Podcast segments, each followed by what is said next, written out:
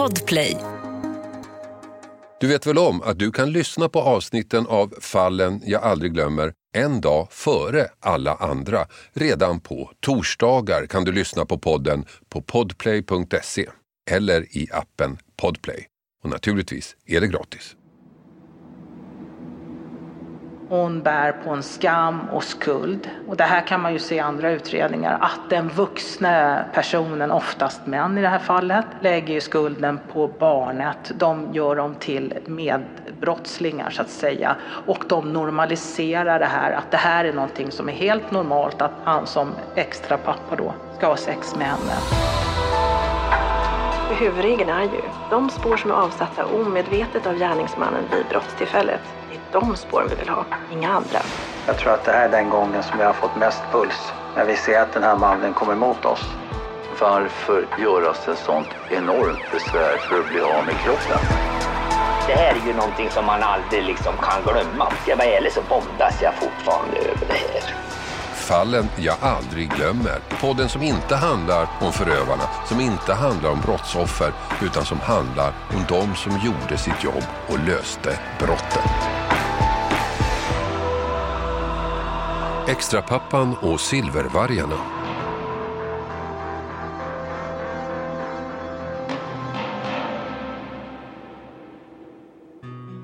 Min podd Fallen jag aldrig glömmer handlar ju oftast om fall där polisen söker gärningspersonen, den som gjort brottet. De har ett offer, de har vittnen, de har tekniska spår. Däremot har de ingen förövare. Men genom ett metodiskt och tålamodsinriktat arbete så kommer utredarna sakta men säkert fram till den skyldiga. Men det här fallet jag ska prata om nu så är det nästan tvärtom. Här finns en förövare men det är bevisen som saknas, bevis som ska hålla i domstol. Och så är det ofta när det handlar om sexualbrott. Två personer inblandade, inga vittnen, inga tekniska spår, bara två versioner av samma händelse. Vem talar sanning? Ännu värre är det om brottet är gammalt och allra värst om ett barn är inblandat.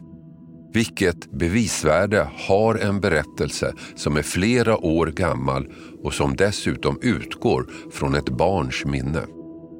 Ja, ganska lågt faktiskt. Det här avsnittet handlar om ett sånt fall. En misstänkt förövare finns, men var är bevisen? Men avsnittet handlar också om en särskild utredningsgrupp inom polisen, Silvervargarna pensionerade, erfarna utredare som återvänder till polisen för att utreda grova brott som ingen hinner ta tag i.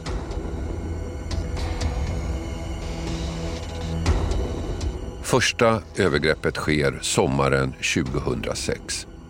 Sara, som jag valt att kalla henne, har precis fyllt 12 år och ska börja sexan till hösten. Hon är hemma hos Manuel, en kompis till hennes mamma. Sara har känt honom hela sitt liv. De umgås mycket och ibland sitter han barnvakt åt henne.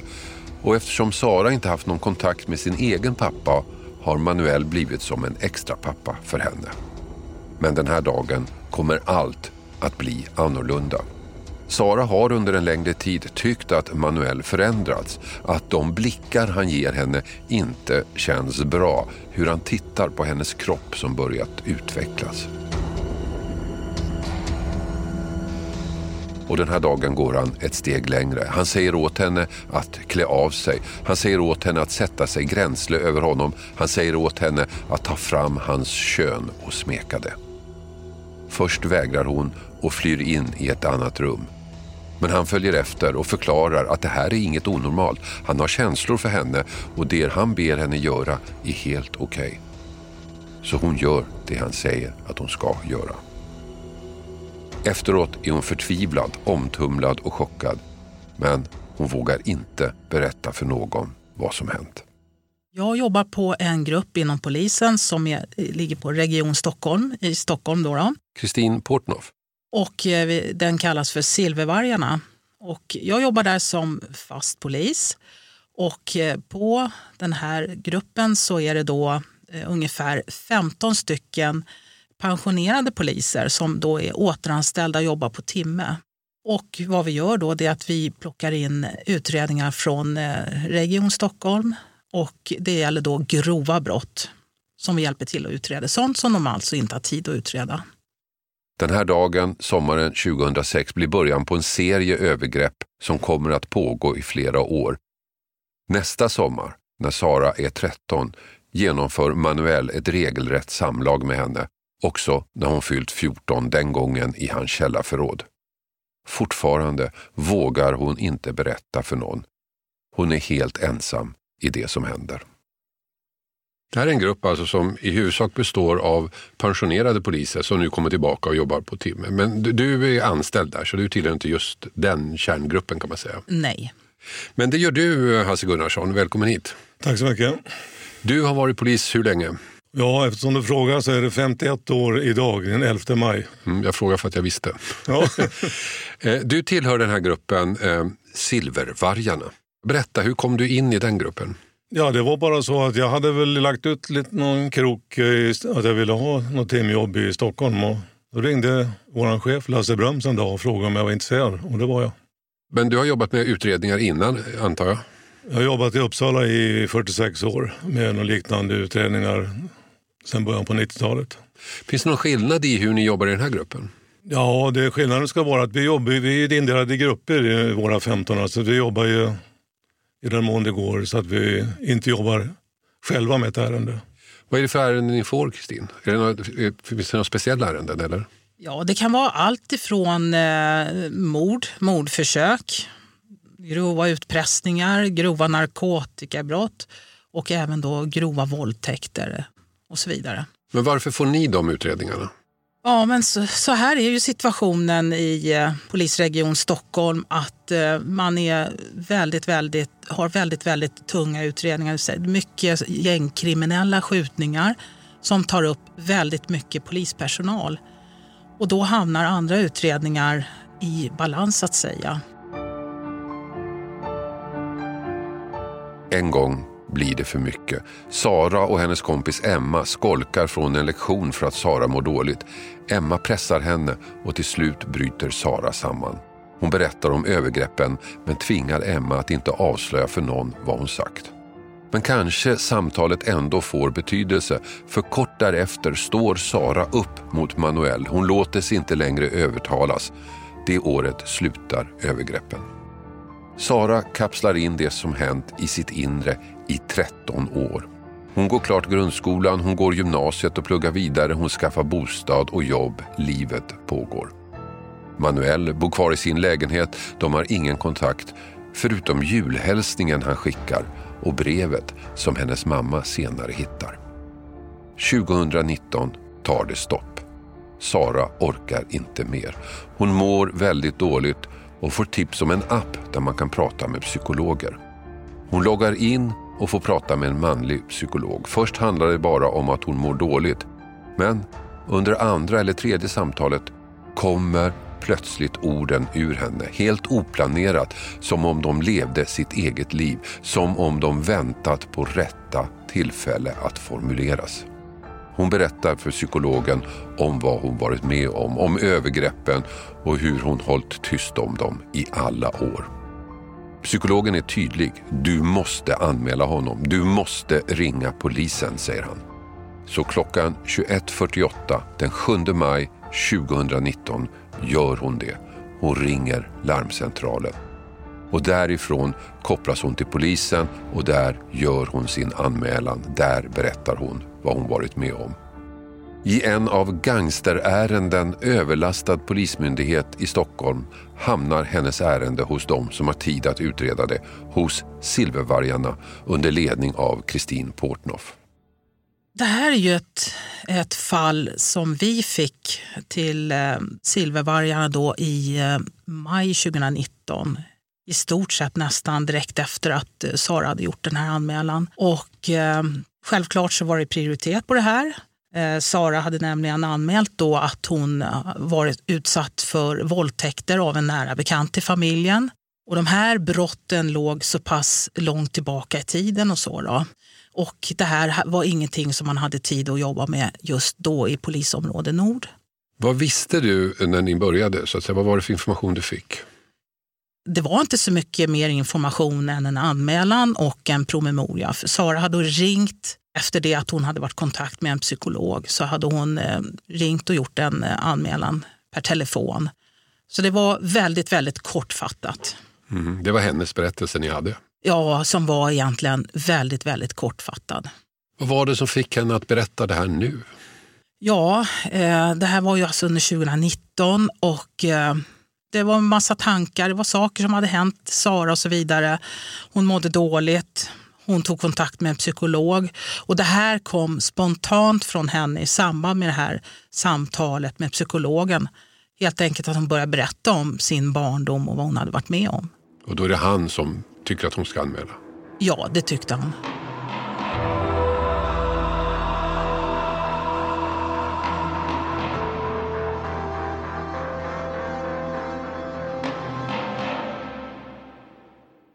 Den här veckan har vi ett betalt samarbete med Tre, ni vet teleoperatören. Den jag själv har faktiskt och är väldigt nöjd med. Men det är många som tror att Tre inte har särskilt hög täckningsgrad, vilket är fel. Och så är det ju faktiskt med mycket vi tror oss veta, att det vi tror är sant kan vara falskt och det vi tror är falskt kan visa sig vara sant. Jag hade faktiskt ett telefonsamtal med en kompis för inte så länge sedan, via tre då förstås, och vi snackade om myter. Och jag tycker mig ha koll på sånt, vad som är sant och vad som är falskt. Men det är inte alltid så lätt. Till exempel berättade min kompis, ni vet om myten att svalor flyger lägre när det ska bli dåligt väder. Falskt sa jag, men det visade sig vara helt sant. Och så det här att man, om man duschar varmt på sommaren så blir man svalare. Det trodde jag inte heller på, men det visade sig också vara sant. Så det blev lite en aha-upplevelse för mig. Men så pratar vi om vår gemensamma operatör. Ja, de har ju väldigt bra täckning, sa han. Och där visste jag att han har rätt. Han visste att tre har byggt ut och nu har väldigt stor täckning. Men det är inte alla som vet. Och ibland är det inte riktigt som man tror. Sanningen är att tre nu täcker otroliga 99,3 procent av Sveriges befolkning och det avser rösttäckning baserat på folkbokföringsadress. Så läs mer på 3.se om hur de bygger ut sitt nät och täckning. Tack 3. Den här veckan har vi ett betalt samarbete med Hello Fresh, världens ledande leverantör av matkassar hem till dig. Kassar som ger dig en enklare vardag och massa matglädje på det. Nu kan du som lyssnar få extra bra pris. Med koden FRESHFALLEN kan du få upp till 1359 kronors rabatt. Jag har testat flera matkassar och det är två saker som jag tycker gör Hello Fresh extra bra. Dels förstås att jag slipper planera mat varje dag. Menyerna finns redan där. Men också för att man får precis den mängd ingredienser man behöver. Det blir inte massa saker över i skafferiet. Inget matsvinn, inga bortslösade pengar. Och sen får man ju matglädje förstås, koll på budgeten och enklare vardag. Och också möjligheten att testa nya smaker med recept från hela världen. Allt är väldigt enkelt att laga, instruktionerna är glasklara. Så vill du få en enklare vardag, minska matsvinnet och testa nya spännande smaker. Gå in då på hellofresh.se och använd koden FRESHFALLEN. Den ger dig upp till 1359 kronors rabatt på dina fem första kassar plus fri frakt på första matkassen om du inte provat HelloFresh förut. Har du varit kund tidigare kan du också använda koden om du avslutat ditt abonnemang för 12 månader sedan eller längre. Tack HelloFresh. Ett poddtips från Podplay. I podden Något Kaiko garanterar östgötarna Brutti och jag, Davva, dig en stor dos skratt. Där följer jag pladask för köttätandet igen. Man är lite som en jävla vampyr. Man har fått lite blodsmak och då måste man ha mer. Udda spaningar, fängslande anekdoter och en och annan arg rant. Jag måste ha mitt kaffe på morgonen för annars är jag ingen trevlig människa. Då är du ingen trevlig människa, punkt. Något Kaiko, hör du på Podplay. Därför är gardinerna. Ärendet hamnar alltså hos Kristin Portnoff och hennes grupp Och det är ett mycket svårt ärende, det vet Kristin sedan tidigare. Hon har jobbat med sexbrott mot barn förut. Hon känner till de hårda beviskraven. Man har en person som säger sig ha utsatts för ett brott för många år sedan när personen var ett barn. Och man har en utpekad förövare som nekar. Det är allt. Inga vittnen, inga tekniska spår, ingen mobilspårning, inget av det som ofta kan avgöra ett fall i domstol.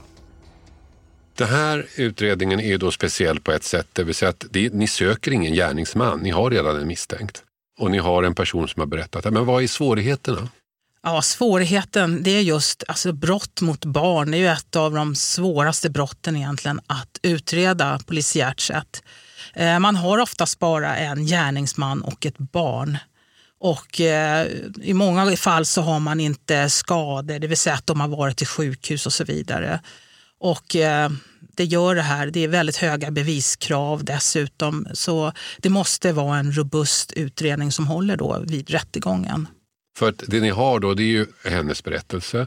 Och eh, så småningom får ni ju den misstänkte gärningsmannens berättelse för, som förmodligen nekar till det här. Och det, och det är vad ni har. Vad, vad är det ni behöver? Vad söker du efter? Ja, för det första så är det ju då Sara var ju inte förhörd så att säga, utan vad jag börjar med det är ju givetvis att kalla henne till förhör tillsammans med hennes advokat som hon har. Då, då. De får alltid ett målsägande beträde som är ett stöd för dem under hela förundersökningen och även vid rättegången. Då. Eh, och då börjar man metodiskt att eh, förhöra Sara då om just det hon berättar om vad som har hänt och så vidare. Va? Och eh, här måste man ju låta speciellt i de här fallen måste man ju låta då målsägarna ta den tid som krävs.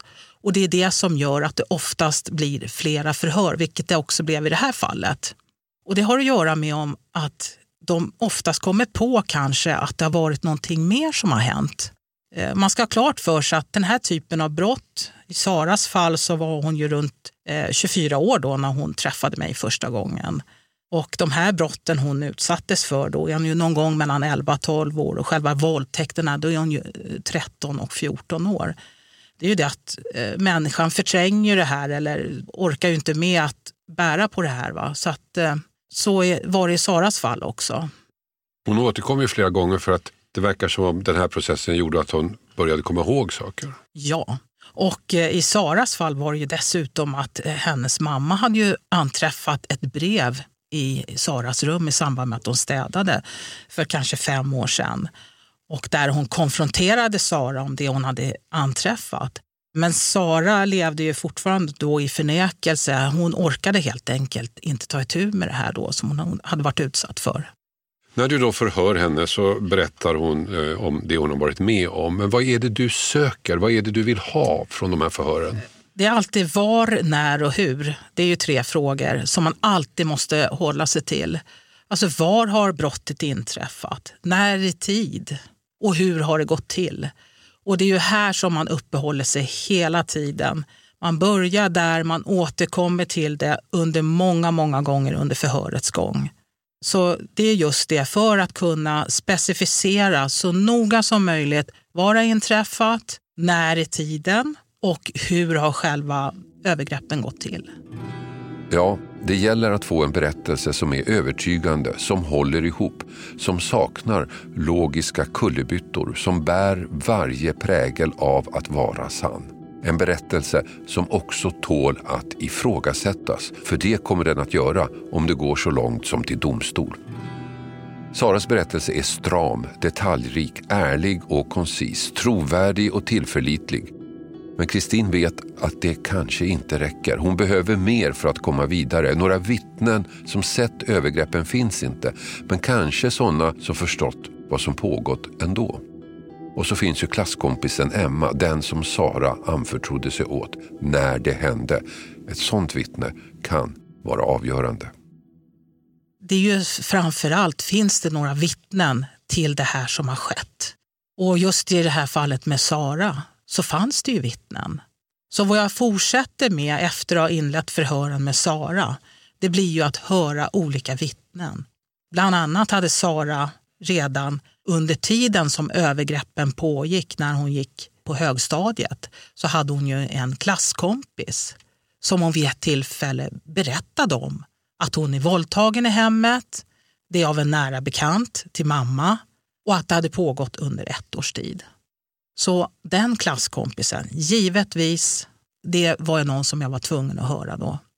Och det var sånt här jag frågade ut Sara om också under själva förhören. Det vill säga, fanns det någon i hennes närhet eller någon utomstående som hade sett eller hört någonting? I Saras berättelse fanns tre personer som kunde vara viktiga för utredningen. Det var klasskompisen Emma, det var den kvinna som bodde ihop med gärningsmannen Manuel och så var det Saras mamma som alltså hittade ett brev. Utredarna började med att försöka hitta Emma. Det var inte så svårt att få tag på Emma för det var ju någon som hade gått i Saras klass. Eh, och sen då mm, så ringde jag upp henne och förklarade som det var då, att jag behövde hålla ett förhör med henne. Och sen efter det så håller jag ett förhör med henne då. Där ber eh, Emma berätta om just eh, vad hon kan minnas kring det här då. I Emmas fall så hade hon reagerat väldigt starkt på det här, för det skedde i skolmiljö. Det skedde i samband med att de skulle ha gymnastik men inte var med på gymnastiken och sitter utanför på en bänk. Sara är väldigt nedstämd och ledsen och Emma går då på Sara och frågar vad det är för någonting. Vad det är för någonting. Hon ger sig inte. Och till slut så säger ju då Sara att hon är utsatt för våldtäkter. Det har pågått under ett års tid och att det är en nära bekant till familjen. Eh, I det här fallet så berättar ju även Emma att hon blir så chockad över det här så hon till och med går till en av lärarna och pratar anonymt med den här läraren om hur man ska agera när man har någon vän som berättar om att den är utsatt för sexuella övergrepp. Ett sånt här vittne är ju jätteviktigt såklart. Och så var det kvinnan som bott med gärningsmannen. En kvinna som haft ett förhållande med honom tidigare men som var slut vid tiden för övergreppen. Men de två delade fortfarande lägenhet och kvinnan skulle det visa sig anade redan då att något inte stämde och försökte gillra en fälla. Sara sprang på henne flera år efter övergreppen och då bekräftade kvinnan att hon haft sina misstankar. Det visste jag via Sara då att hon hade stött på den här kvinnan i, i den här kommunen där han bor. Och eh, på så vis så började en av mina silvervargar då att helt enkelt söka identitet. Vi visste ett förnamn på henne och så vidare. Så att eh, vi lyckades få identitet på den här kvinnan och vi kallade henne till förhör. Vi hade flera förhör med henne. Och i det här fallet så kunde ju hon komma att berätta om viktiga saker. Det var ju bland annat det att hon själv misstänkte att hennes man utsatte då Sara. Hon misstänkte att det var någonting med, med något sexuellt då. Så hon hade vid ett tillfälle gått efter med ner till ett källarutrymme som den här mannen hade. Och eh, hon hade tänkt att filma då det som skedde där. Men hon hann ju aldrig göra det för att hon upptäcktes. Och så var det Saras mamma, Manuels kompis. Hon som lämnat sin dotter i hans beskydd i tron att dottern skulle vara säker där. Hon hade hittat brevet från Manuel till Sara, det han skrev när hon var vuxen. Ett brev som var en kärleksförklaring, som om det som hänt var i samförstånd. Som om de två skulle haft ett förhållande, en vuxen man och ett barn. Där och då vägrade Sara prata om det, men nu kunde mammas uppgifter vara viktiga.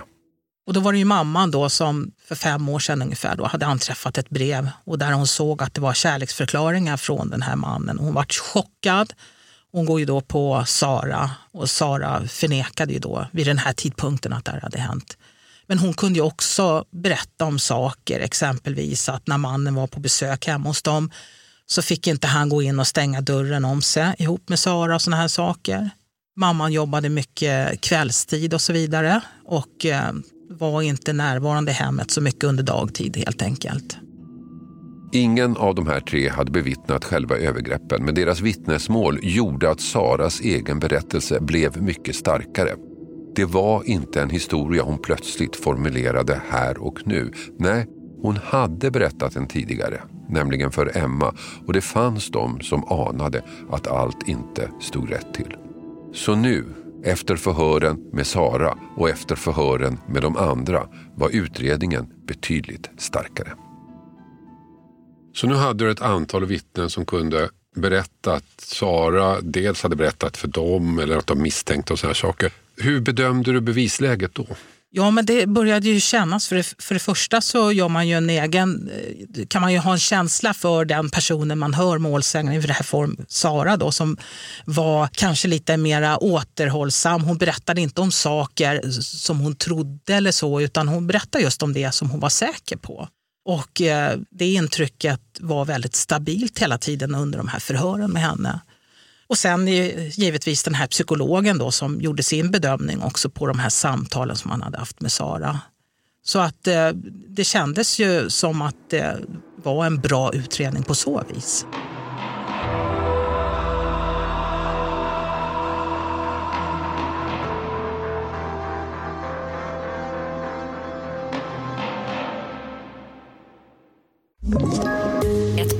Från Podplay.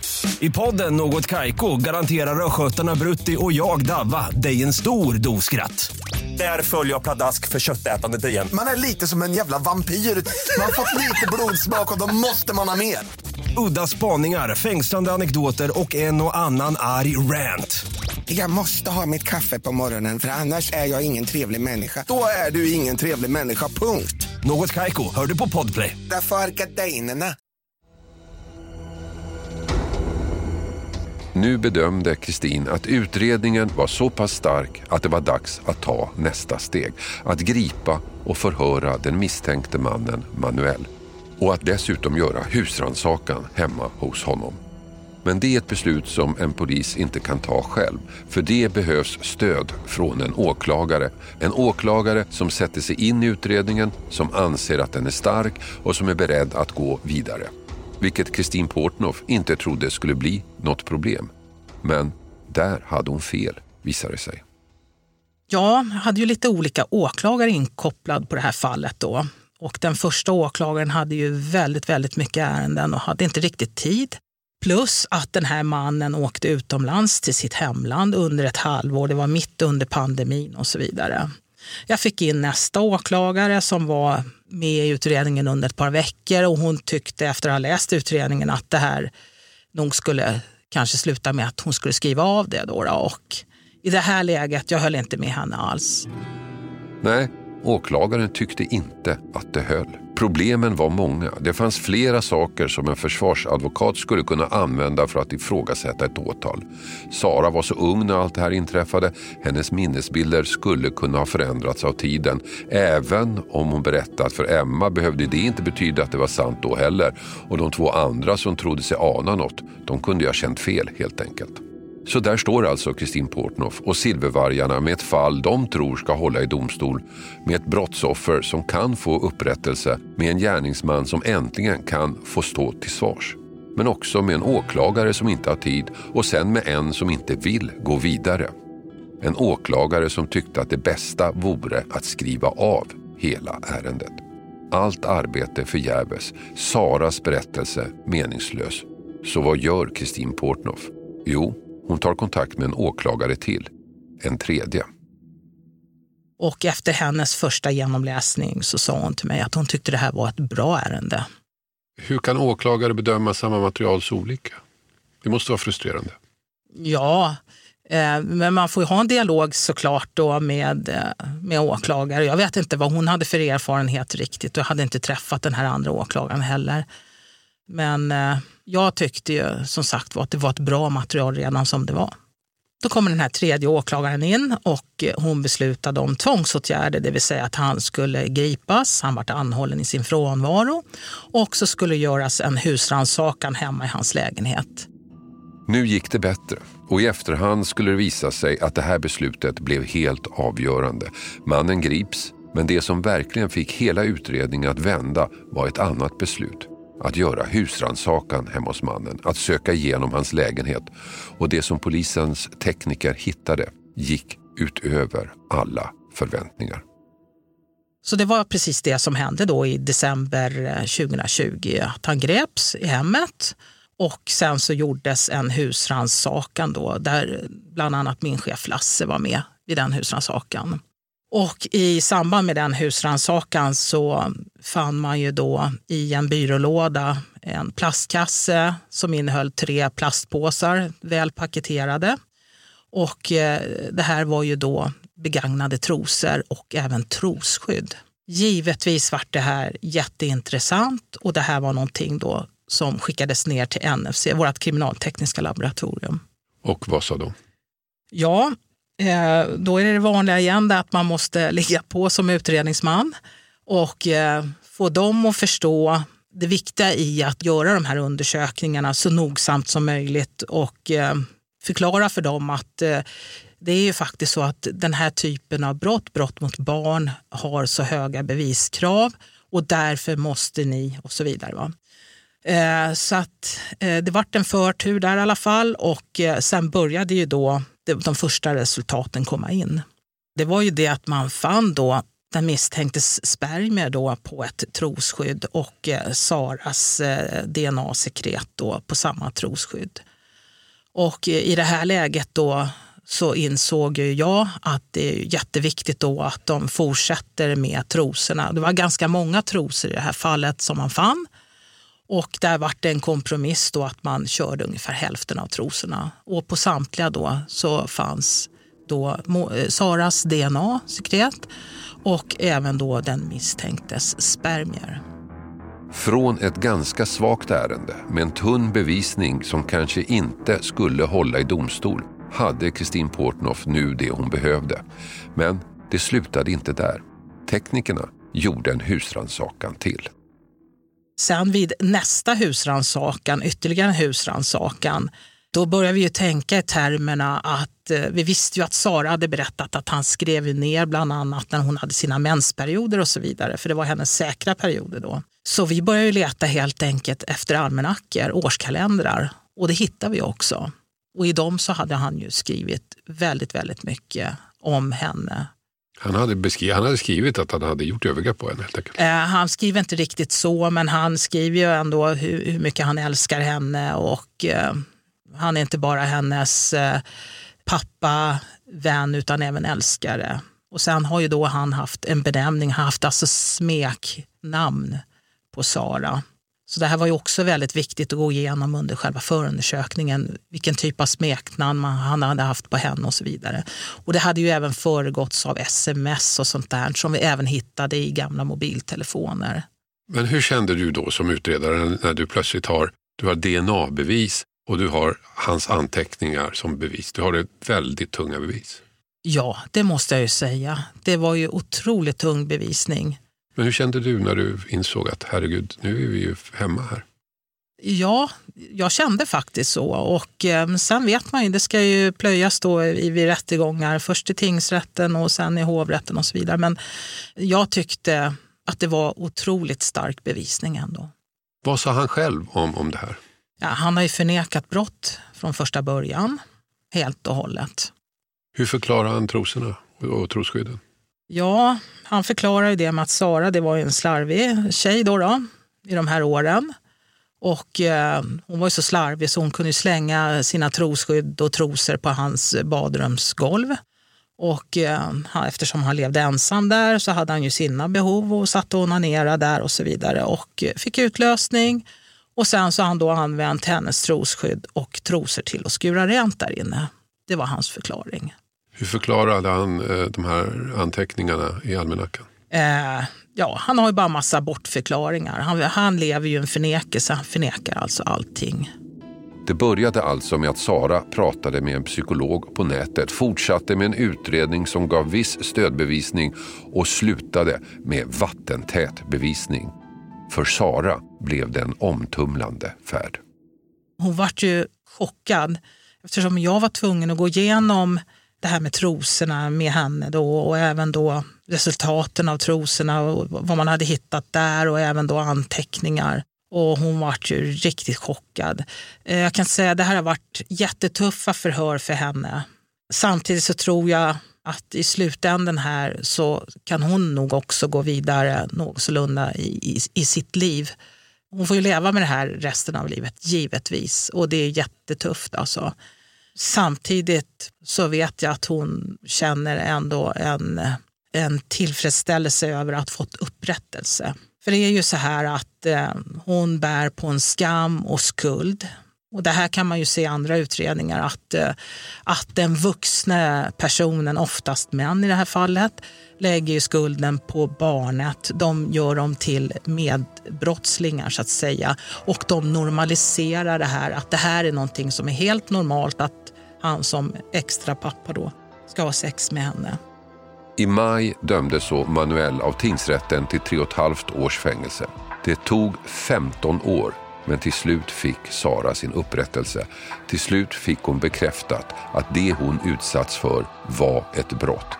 Kanske det kan ge henne plattformen att gå vidare i livet ifrån.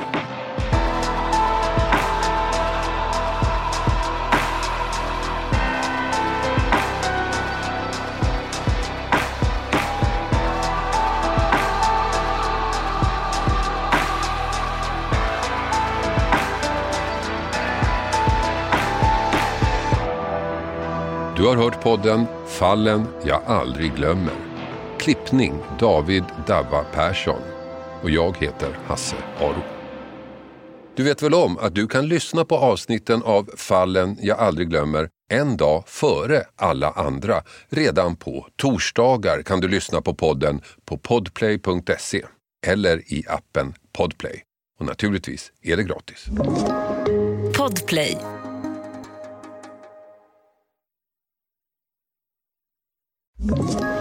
Ett poddtips från Podplay. I podden Något Kaiko garanterar östgötarna Brutti och jag, Davva, dig en stor dos skratt. Där följer jag pladask för köttätandet igen. Man är lite som en jävla vampyr. Man har fått lite blodsmak och då måste man ha mer. Udda spaningar, fängslande anekdoter och en och annan arg rant. Jag måste ha mitt kaffe på morgonen för annars är jag ingen trevlig människa. Då är du ingen trevlig människa, punkt. Något Kaiko, hör du på Podplay. Därför är gardinerna.